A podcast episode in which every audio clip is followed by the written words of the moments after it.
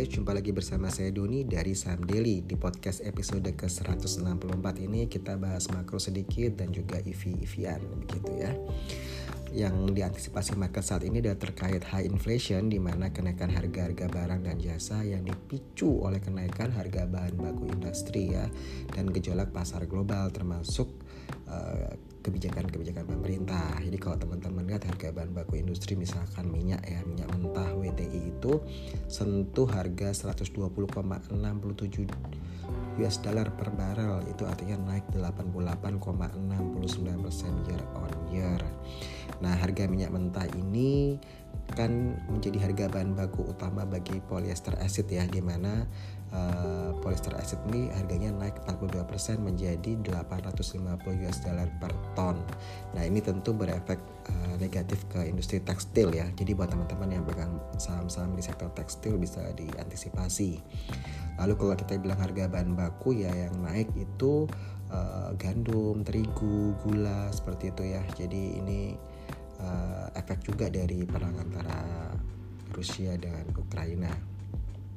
Ngomong-ngomong soal uh, gandum nih jadi inget Indofood ya. Indofood nih manajemennya uh, luar biasa menurut aku karena mereka udah antisipasi gitu ya. Uh, Ukraina kan dia uh, produksi gandum gitu ya. Tapi uh, karena lagi perang makanya Indofood ini aku lihat dia mereka uh, stok gandumnya itu dari Australia dan Amerika Selatan.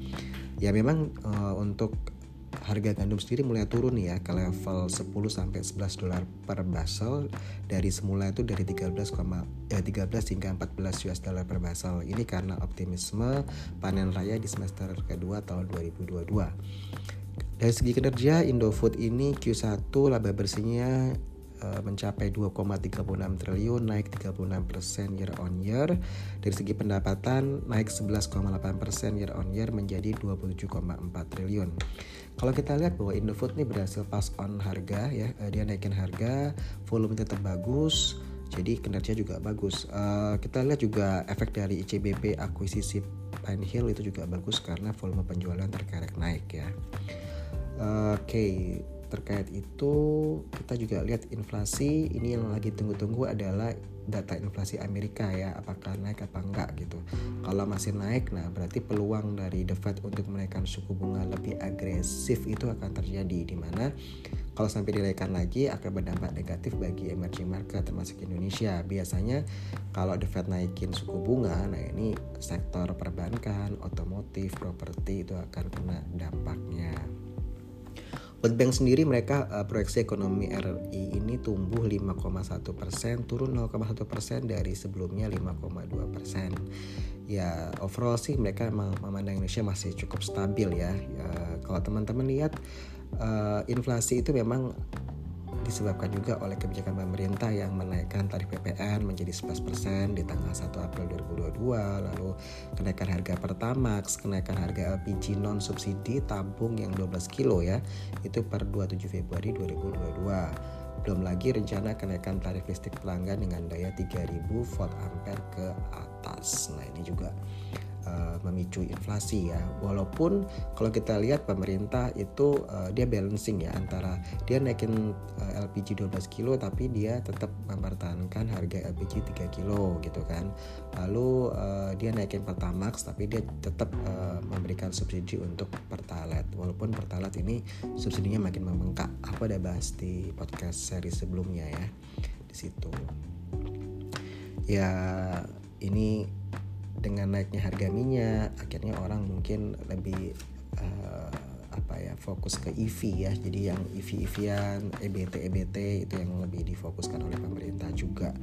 Kemarin itu uh, Pak Jokowi ya uh, dia ada resmikan apa implementasi tahap 2 ya. Uh, ini yang ada di kawasan industri terpadu Batang ya di Jawa Tengah. Itu dia resmikan rencana tahap kedua baterai listrik terintegrasi Nah, di mana hilirisasi baterai listrik di Batang ini merupakan investasi pertama di dunia ya yang mengintegrasikan produksi kendaraan listrik dari hulu sampai hilir. Jadi memang dimulai dari penambangan nikel, uh, nikel smelter, pabrik prekursor, pabrik katoda, kemudian baterai listrik, baterai pack hingga mobil listrik. Jadi uh, mungkin nantinya bisa ditambah daur ulang baterai ya tapi itu mungkin masih jauh ya untuk itu. Nah total lahan yang digunakan untuk implementasi tahap kedua industri baterai listrik ini mencapai 1000 hektar ya di mana Uh, 275 hektar itu dipakai oleh LG ya LG Energy Solution. Ini dengan nilai investasi 9,8 miliar US dollar atau sekitar 142 triliun gini di mana investasi hilirisasi oleh LG ini akan memberikan nilai tambah bagi Indonesia sekitar 5,18 miliar US dollar dengan total lapangan kerja itu menyerap sekitar 20.000 tenaga kerja khusus untuk baterai mobil. Jadi ini uh, lumayan menjanjikan ya uh, apa yang dilakukan oleh LG Energy Solution begitu. Jadi nanti mungkin ini nggak cuma dari LG tapi juga dari Foxconn gitu ya ya kita belum tahu apakah uh, dari Elon Musk bakal jadi invest di sini atau enggak kayak gitu jadi memang dari LG Energy Solution ini mereka bekerjasama dengan Antam ya uh, dan Indonesia Battery Corporation atau IBC untuk produksi massal baterai listrik seperti itu.